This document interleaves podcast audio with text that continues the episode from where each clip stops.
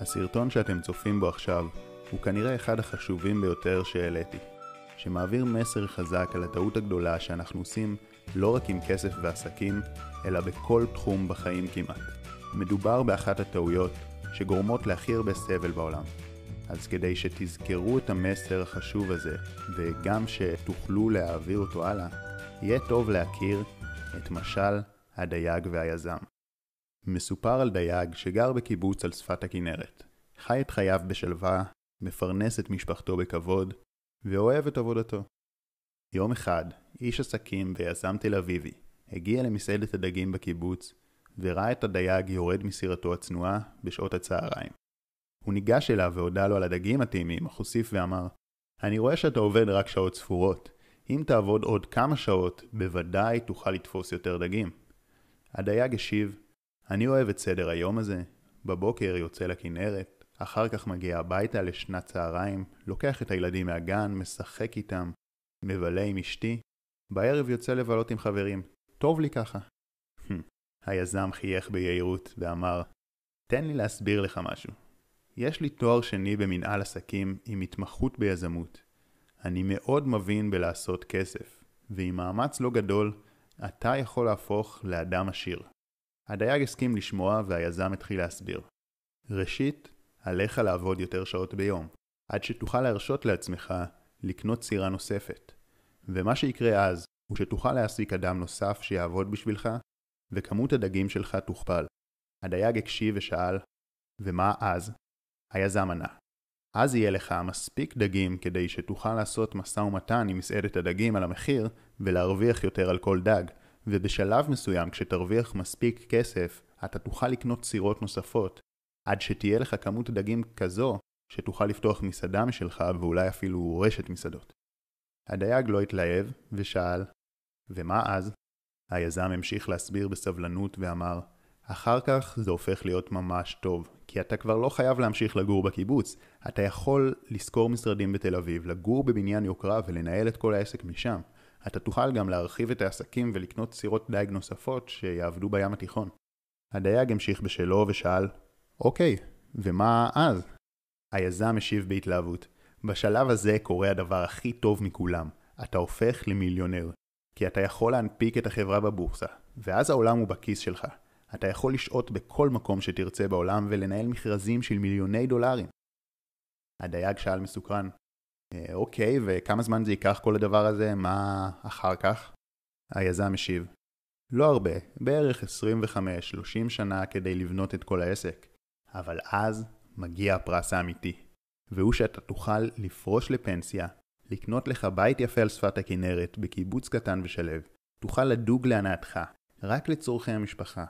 יהיה לך זמן לשחק עם הנכדים ולקחת תנומת צהריים יחד עם אשתך, ובערב תוכל לצאת לבלות עם חברים. הסיבה שאנחנו מציבים מטרות ומנסים להשיג דברים היא בסופו של דבר על מנת לחוות רגשות מסוימים. הסיבה שאדם פותח עסק ורוצה לעשות כסף היא כיוון שהוא מאמין שבאמצעות הכסף הוא ירגיש יותר טוב. והרגש החיובי יכול להגיע במגוון רחב של צורות. לדוגמה, תחושת ביטחון כלכלי, ריגושים והנאות שירוויח מהדברים שיקנה עם הכסף, תחושה של הערכה עצמית בעקבות ההישגים והמוניטין, ועוד ועוד. אמנם כל אדם הוא אינדיבידואל ומעריך רגשות מסוימים יותר מאחרים, אך בגדול, כולנו זהים בכך שאנחנו מחפשים לחוות רגשות חיוביים ולהימנע משליליים. ועם זאת, אנו מאוד שונים בדרכים שבאמצעותן אנו מנסים להשיג את הרגשות.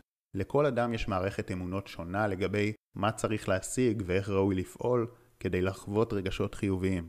והטעות מתבטאת כשאנחנו בטוחים שהאמונות האלה הן האמת.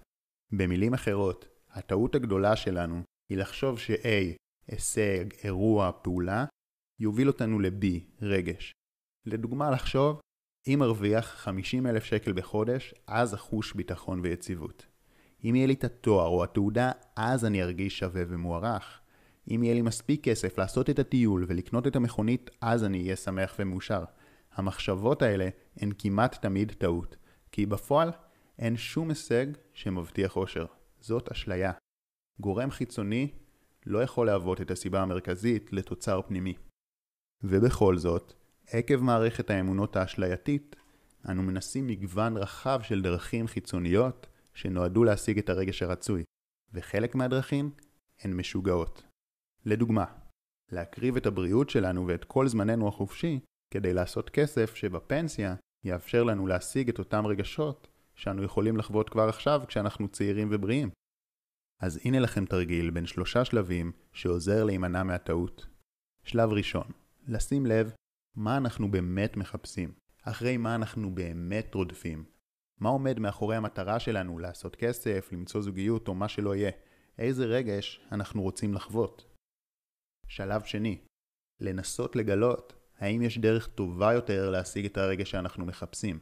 לבחון האם לא נוצרת סתירה בין הדרך שבחרנו, לדוגמה עבודה שגורמת לסטרס, לבין הרגש שאנחנו מחפשים, לדוגמה שלווה, אהבה, שמחה. שלב שלישי, וזאת אולי המתנה החשובה מכל שקיוויתי להעניק לכם בסרטון, והיא הרעיון שרגשות לא נוצרים בעקבות אירועים חיצוניים, רגשות הן תוצר פנימי, וגם אם הם מושפעים מגורמים חיצוניים, הם לא תלויים בהם, ולכן אנחנו יכולים לחוות את הרגשות שאנחנו מחפשים כבר עכשיו. לדוגמה, בעזרת המאמר איך לבנות הרגל של חשיבה חיובית, או המאמר על עוגנים. ובכלל, אם תעקבו אחריי בפייסבוק וביוטיוב, אני מעלה הרבה תכנים בנושא. בנוסף, לפני כל פעם שמגדירים מטרות, מומלץ להכיר תודה על מה שכבר יש. כי אחרת, אנחנו מנסים להשיג את המטרה מתוך תחושה של חוסר, ומפספסים את החלק הכי כיף במטרה, שזה הדרך אליה.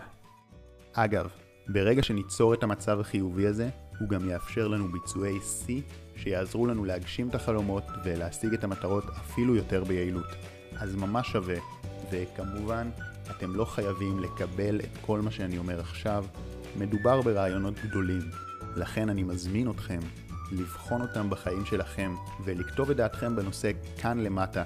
אני אשמח לקרוא ולהחכים מכם, ומאחל לכם רק אושר ושמחה. שחר כהן